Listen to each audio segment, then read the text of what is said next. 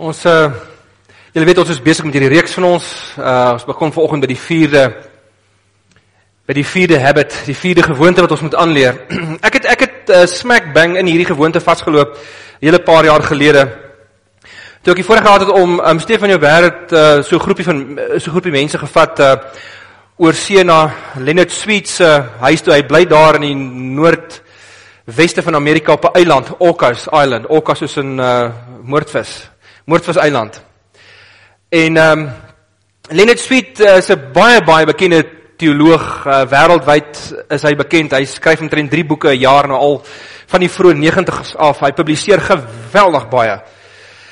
Uh, ek het in die laat 90's van sy boeke begin lees en uh joh, hy my dit, dit gryp my net regtig aan. En toe ons daar by sy huis kom, ek het nogal uitgesien om hom te ontmoet. Toe is ek net verstom oor hoe nederige mens hy is hoe absoluut oop hy is. Hy ontvang mense asof hulle ou vriende is. Ehm um, partykeer as hy Suid-Afrika toe kom, laat hy my so 'n celebrity voel as hy weet as hy my sien, jy weet, hy ken, hy ken my naam, hy kom nie. Dit is nie so dat ek so cute is of ek kom beïndruk het nie. Dit is bloot net omdat dit is wie hy is. Hy het 'n ongelooflike openheid en 'n nederigheid. In die eh, ehm um, die tweede keer, die, die tweede jaar toe gaan ons weer, die tweede jaar toe sit ek op 'n stadium met hom sê ek vir hom, "Len, I just want to ask you something." And I don't know, perhaps awkward. Maar ek sê vir hom, Hoe ehm um, uh Dit lyk vir my regtig as jy met mense omgaan asof jy dink jy kan leer by enige iemand. Selfs by ons tappets wat vir jou kom kuier so nou en dan. En ag jy ou Len is nou ongemaklik en jy weet weet nie eintlik wat om te sê nie, maar hy sê vir my just come with me, I want to show you something. En hy vat my na sy studeerkamer toe. En hy wys vir my die ingang van sy deur. Hy het hierdie ehm um, hy hy het hierdie ingang, dis die kusyn van ou skeepswrak wat hy iewers uitgekap het of iemand betaal het om dit te doen en dit hom daar by sy deurkamer ingesit. So die die die kusyn wat hierdie moet stap as jy in sy deurkamer ingaan, daar waar hy skryf en daar waar hy lees. Dit so hoë trappie, hy so hoog, so jy moet boor om trap as jy wil ingaan. En dan is die die kusyn is so laag. So terselfdertyd moet jy buig wanneer jy jy weet wil inkom. En hy wys vir my die kusyn Hy sê vir my this represents my posture of life, my posture towards life. Ek sê vir wat wat bedoel hy? Hy sê vir my I think a Christian should be humbly confident. Ek sê humbly confident. Wat, hoe bedoel jy? Hy sê uh, hierdie die ingang dit so deurkamer is vir hom 'n simbool dat wanneer hy ingaan om te skryf of wanneer hy ingaan om te lees, dan moet hy confidence hê in die Here. Met ander woorde, hy moet die confidence op sy voet op te tel en dit stap te neem, boor te trap, maar terselfdertyd moet hy sy kop buig in onderdanigheid teenoor die koningskap van Christus. Hy moet I have to be humbly confident. So elke keer as hy deur sy studeerkamer deurstap, dan sê dit vir hom Len be humbly confident. Nou party mense is net confident en dan is hulle cocky. Ons like dit nie om dit te sien nie. Nou ander mense is so humble, jy weet, hulle dit lyk of hulle niks kan doen nie. Maar wat ek by hom geleer het is hierdie ou het regtig as hierdie wêreldgeleerde 'n openheid. Hy vra jou opinie vir jou asof hy regtig dink die Here is op hierdie oomblik besig om hom te leer deur jou en hy met sy ore spits. En ehm um, as jy die Nuwe Testament lees, dan verstaan jy hoekom iemand wat die Bybel goed ken hierdie houding het. Ons praat vanoggend oor learn, oor leer. Nou, net 'n paar inleidende tekste. Matteus 5, die inleiding tot die groot bergpredikasie, Jesus se magnum opus as dit kom by prediking. Hy sê toe Jesus die menigste sien, het hy teen die berg opgegaan. Nadat hy gaan sit het, het sy disippels na hom toe gekom en hy het hulle geleer en hy het gesê Markus 1, dan wil Markus in sy eerste hoofstuk baie vroeg wil hy sommer die idee skep van hoekom Jesus gekom het en wat hy besig is om te doen. Dan staan daar die volgende woorde in vers 21: Toe die Sabbatdag aanbreek, het Jesus reguit na die sinagoge toe gegaan en die mense daar begin leer. Hulle was verstom oor sy leer, want hy het hulle gelees soos een eh, wat gesag het en nie soos hulle skrifgeleerdes nie. As ons kyk na Jesus as leermeester, Jesus het as het in terme van baie rolle gekom. Hy was die Here, hy is hy is ehm um, die koning, hy's 'n klomp, hy's 'n klomp goed, maar die een primêre funksie wat hy kom vervul het is, hy kom as leermeester. Hy's kom as 'n leraar. Die woord rabbi in al vier evangelies kom heelwat kere voor. Mense spreek hom aan as as rabbi en leermeester. Maar die woord leerder of disipel, mathetes in Grieks, is 'n woord wat 261 keer voorkom net in die vier evangelies. amper 3 keer per hoofstuk as jy al vier evangelies vat.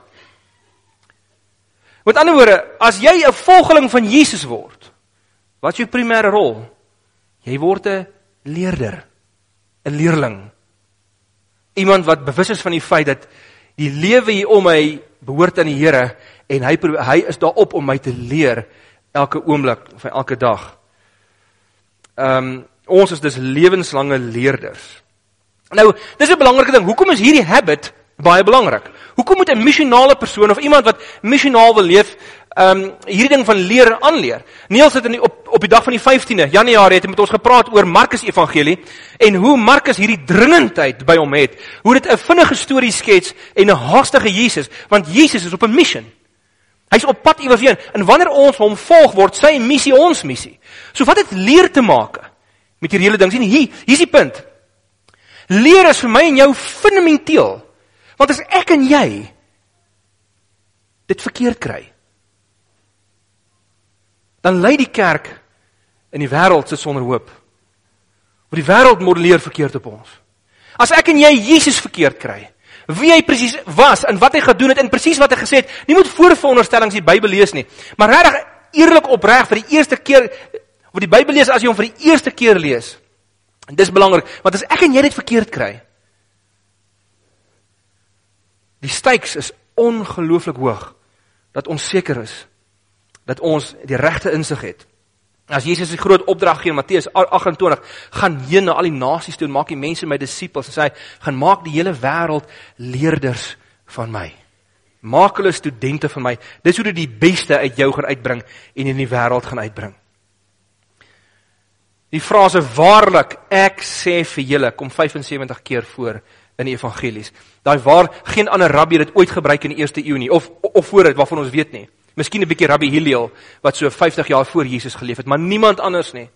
Met ander woorde, as Jesus sê waarlik, waarlik, ek sê vir julle, dan sê hy, dan wil eintlik vir ons sê hierdie is belangrik om te hoor en hier's die belangrike ding, vriende. Hier's hoekom ons dit nodig het. Sedert Genesis 3 het ek en jy nie net goeie advies nodig nie. Ons het nie 'n goeie filosofie nodig nie, alhoewel al hierdie goed kan help. Ons het openbaring nodig.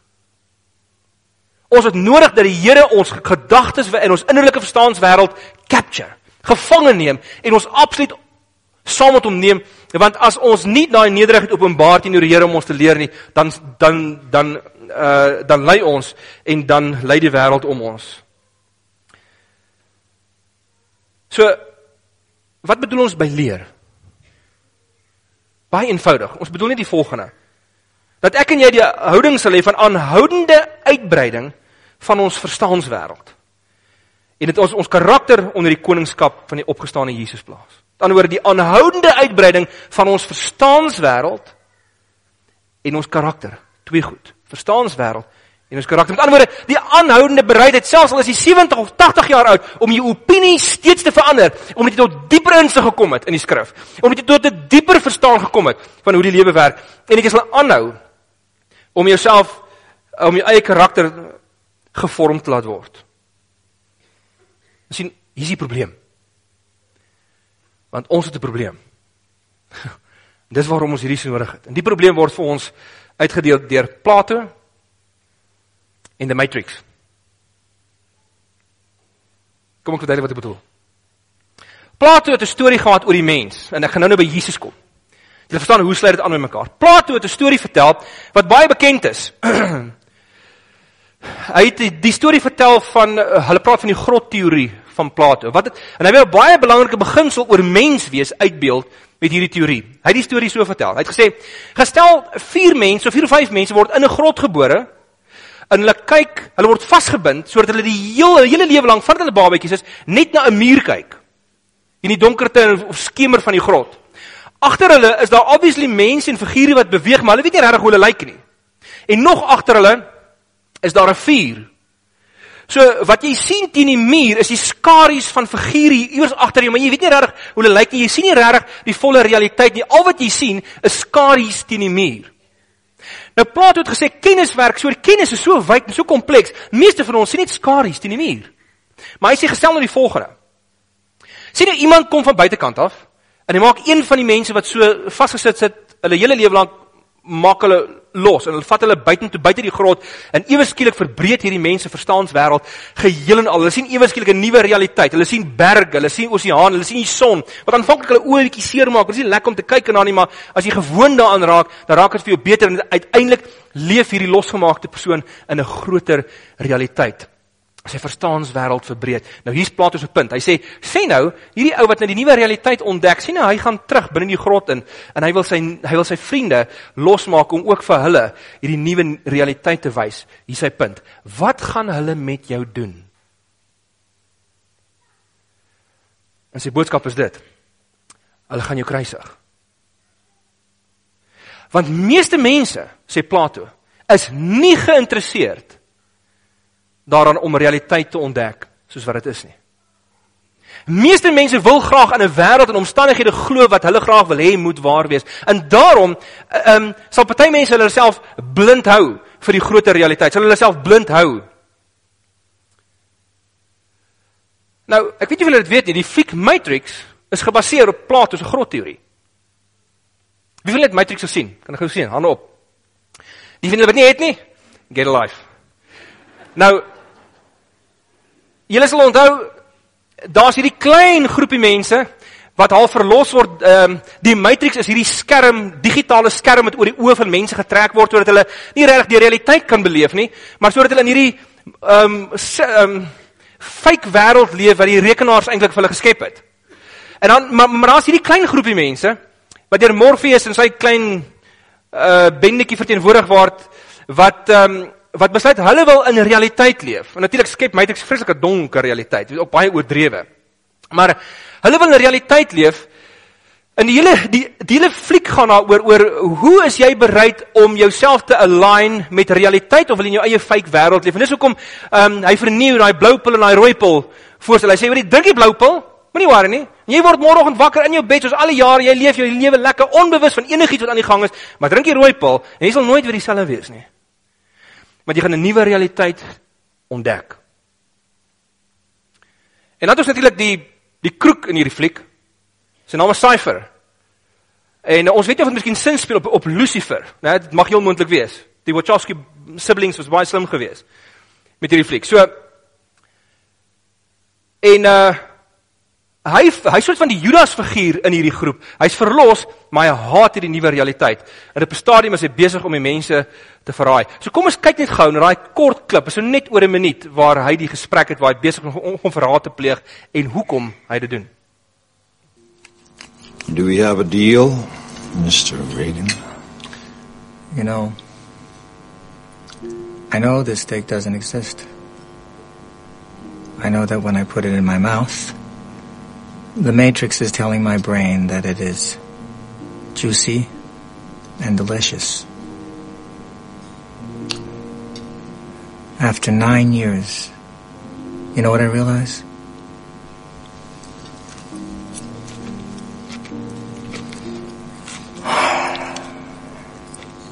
Ignorance is bliss. Then we have a deal. I don't want to remember nothing. Nothing. You understand? And I want to be rich. You know, someone important. Like an actor. Whatever you want, Mr. Reagan. Okay. You get my body back in a power plant. Reinsert me into the Matrix. I'll get you what you want. Access codes to the Zion mainframe. No, I told you I don't know them. I can get you the man who does. Morpheus.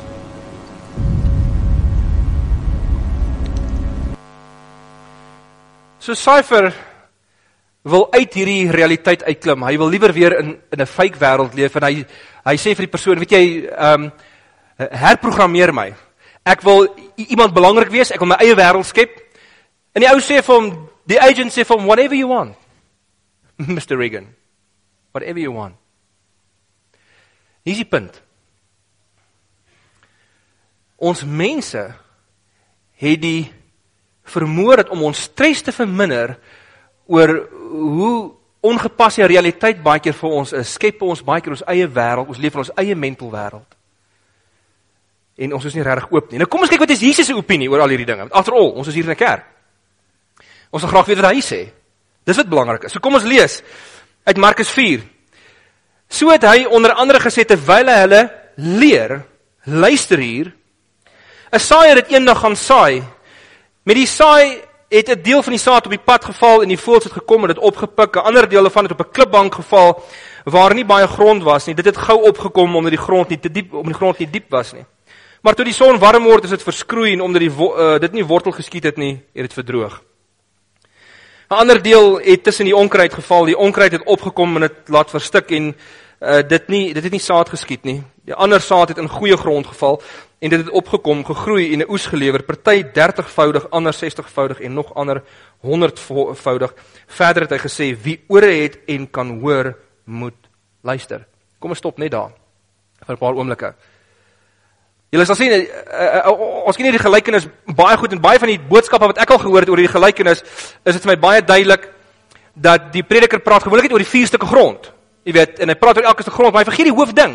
Want hierdie gelykenis begin met Jesus wat sê luister hier en hy eindig met Jesus uh, wat sê wie ore het moet luister. Wat beteken jou hy begin op dieselfde manier en eindig op dieselfde manier? Hulle praat van 'n inclusio in letterkunde. Dit beteken hy begin of hy eindig soos wat hy begin. Dit beteken dis 'n omvattende geheel en die begin en die einde sê vir jou iets oor dit is eintlik die hoofboodskap van wat Jesus wil sê. Nou sê my vir my Rolf, hoekom het ons nie laasweek hierdie teks gebruik nie? Want toe het ons gepraat oor luister, right? Maar daar's 'n paar maniere hoe jy die woord luister kan gebruik. Jy kan sê, kom ons almal bly doodse en kom ons luister gou of ons die verkeer kan hoor of ons die voeltjies kan hoor. En as jy veronderstelling almal hier wil dit eintlik hoor. So kom ons wees gou stil en kyk of ons dit kan hoor. Dit is 'n groot mate wat ons laasweek oor gepraat het. Maar jy kon ook vir jou kind sê, daai ore wil nie luister nie. En wat jy dan bedoel is nie sy ore kan nie hoor nie. Jy bedoel eintlik hy wil nie hoor nie. En dis waaroor vanoggend gaan.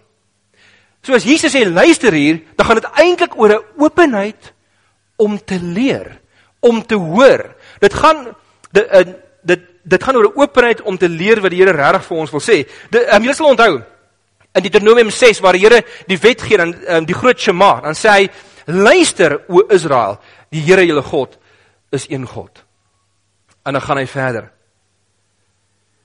Nou, waarna verwys Jesus hier? As hy die gelykenis praat, nou moet ek miskien ook net sê, ek sê ek gaan nou ek gaan nou twee tekste omswaai, Carlo.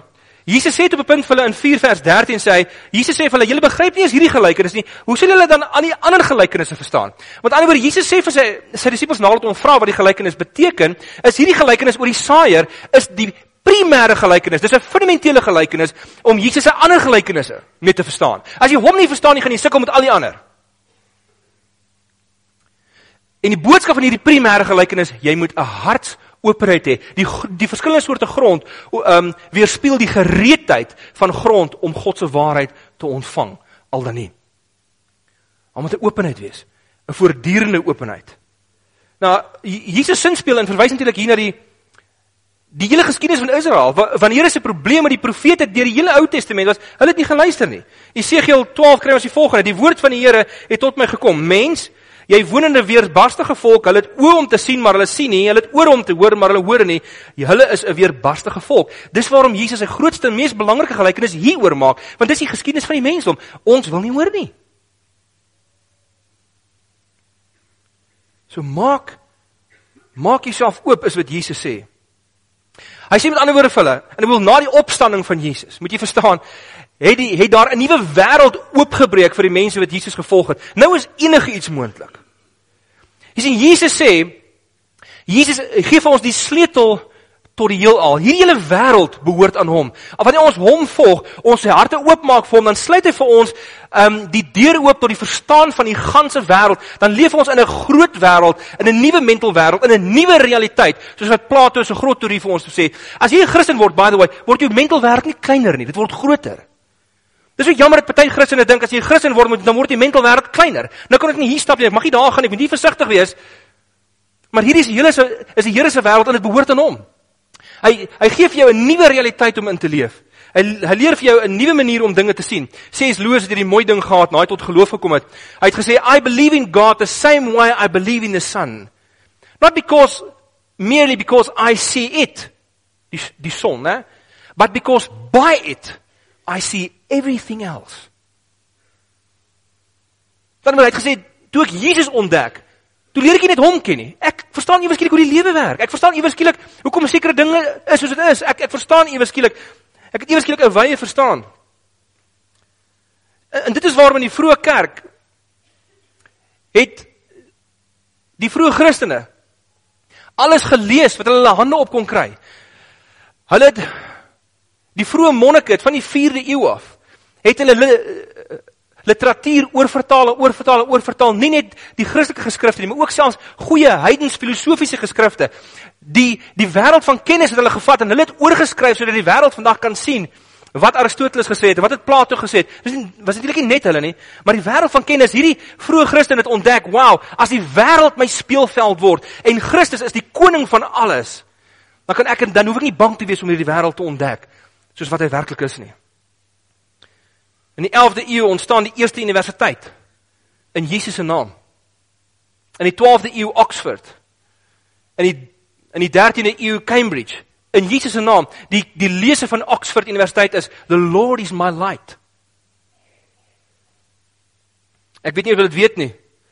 Ehm um, Maar baie van die groot universiteite, Harvard, Yale, die al die Nederlandse universiteite, Stanford, is als begin in die naam van Jesus Christus. Hoekom? Want as jy Christus volg, is jy 'n leerder. Jy leer die wêreld ontdek. Jy's nie bang vir sielkunde of vir filosofie of vir wat ook al nie of of vir jy maar, maar deur die bril van Christus kyk jy na hierdie goed en dit dit Jesus het 'n manier om sin te maak van hierdie goed. Ek het 'n baie goeie vriendin Ehm um, sy was prof in filosofie hier by Tuks gewees. Haar naam is Louise Mabille. Uh, sy doen tans haar PhD in Engeland, haar tweede PhD. Haar eerste PhD het sy oor Friedrich Nietzsche gedoen terwyl sy nog 'n ateïs was. Sy sê dis Nietzsche se vraag. Nou ek weet nie wat Nietzsche ken of sy van die wêreld se bekendste ateïste. Nietzsche se vraag, sê sy, het haar na Jesus toe gelei. As mense vir haar kom sê ja, maar mens moenie filosofie lees nie, maak jy kop die mekaar as jy sê nee nee nee, jy het net nie genoeg filosofie gelees nie. Want enige soort van ware kennis wat die mens ontdek, lei ultimately na die bron van kennis toe, Jesus Christus.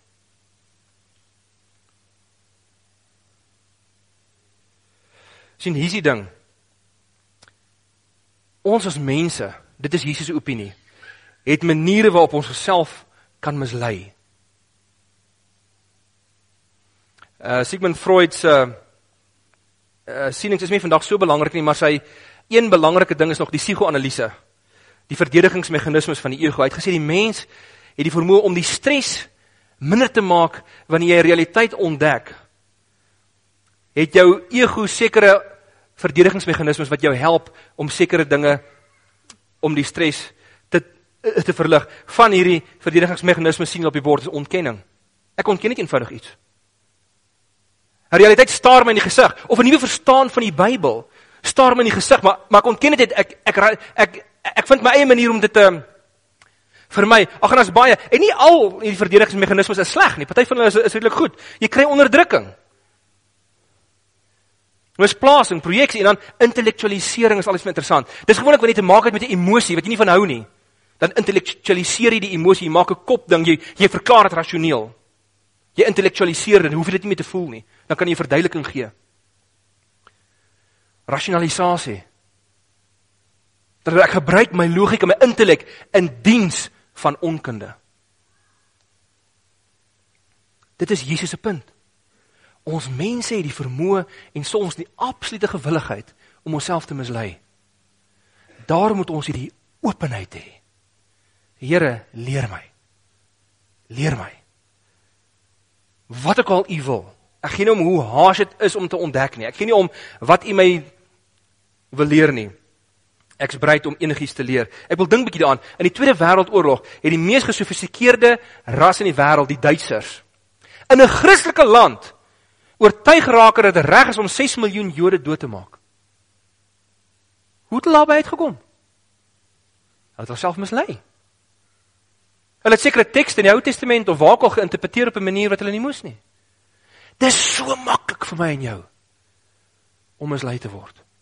Verskriklik maklik. Daarom moet ons 'n humble confidence hê. Confidence in dat met die insig wat ons tans het is oukei, okay, ons kan leef daarmee. Maar altyd 'n nederigheid om te sê ek gaan nog leer en ek sal meer leer en ek sal bereid wees om my standpunt meer deels te bevraagteken. So kom ons doen 'n vinnige toetsie. Ek is ek hou van toetsies. Hoe leergierig is jy? Kom ons kyk gou 'n bietjie. Ek het julle 8 punte hier volgens. Ek gee vir jou 'n punt gee vir elkeen van hierdie. Ek sal vir jou sê uh, hoe kan ons deurgaan? Leer die Heilige Gees jou primêr deur jou private stilte tyd of deur kontak met ander mense en omstandighede ook. As jy die tweede gedeelte sê met deur kontak met ander mense en omstandighede ook, gee jouself 1 punt. Moenie vir jou vrou wys, ha, 1 punt nie. Jy weet, hou dit hou dit vir jouself, jy weet. Want jy gaan ook net 1 punt hê en dan en dan sê so so hou aan 'n gefou en tel dit so saam. OK. Nooi gereeld mense uit om jou werk, opinies of karakter te evalueer of te kritiseer. Indien wel, gee vir jouself nog 'n punt. Bestaan jou lewensmentors hoofsaaklik uit blanke Afrikaanse Christene of ook uit mense van ander kultuur en godsdienstoortuigings? Indien wel, die laaste, gee vir jouself nog 'n punt. By the way, die rede vir hierdie is ek wens ons het tyd gehad om Bybelstudie daaroor te doen. Maar die Here leer ons deur die ganse wêreld, hy leer ons nie net deur Christene nie. Ehm um, as 'n wetenskaplike iets ontdek, dan's 'n Christen bly daaroor want hy kan wat hy leer God se wêreld ken in elk geval. So ek wil self nog 'n punt gee as dit so is. Ehm um, sien jy God raak ook in sekulêre filosofie, flieks en boeke of word jou geloof bedreig daardeur? As jy God oral raak sien, gee vir self nog 'n punt. Lees jy gereeld die Bybel vanuit die skoene van 'n arme, 'n anderskleurige of 'n nie gelowige? As jy dit gereeld doen, gee vir jouself nog 'n punt. Het jy al die fundamentele lewenslesse geleer uh by sê het jy al fundamentele lewenslesse geleer by mense minder geleerd of jonger as jy? Is dit vir jou gereelde gewoonte is, gee jouself nog 'n punt. Staan jy bekend as iemand wat graag deeglik luister na en begrip toon vir die standpunte van jou oppositie? En hoe mense mense wat verskil met jou. As dit so is, as jy bekend staan as so 'n persoon, gee jouself nog 'n punt. Sluit jy ooit sê sorry, skuif jy ooit jou lyf met die doel om iets nuuts te leer? Want dis hoe Jesus sy disippels leer. Hy skuif hulle lyf. Hy roep hulle altyd omstandighede in op plekke in die gebied oor kan die Jordaan en allerlei weird plekke waar hy hulle leer. Ek het 'n ander boot uit in hierdie gemeente vir my gesê toe ek die beroep kry na 'n ander gemeente toe destyds in 1997. Almal het vir gesê, "Ja, Rolf, bly hierso en ek wou bly. Ek het 'n lekker salaris gekry. Ek het gehou van die gemeente." Almal, toe sê Andre vir net hierdie ding. Hy sê, "Maar as jy wil groei, moet jy gaan." Dink as jy wil groei, as jy wil leer, moet jy jou lyf skuif.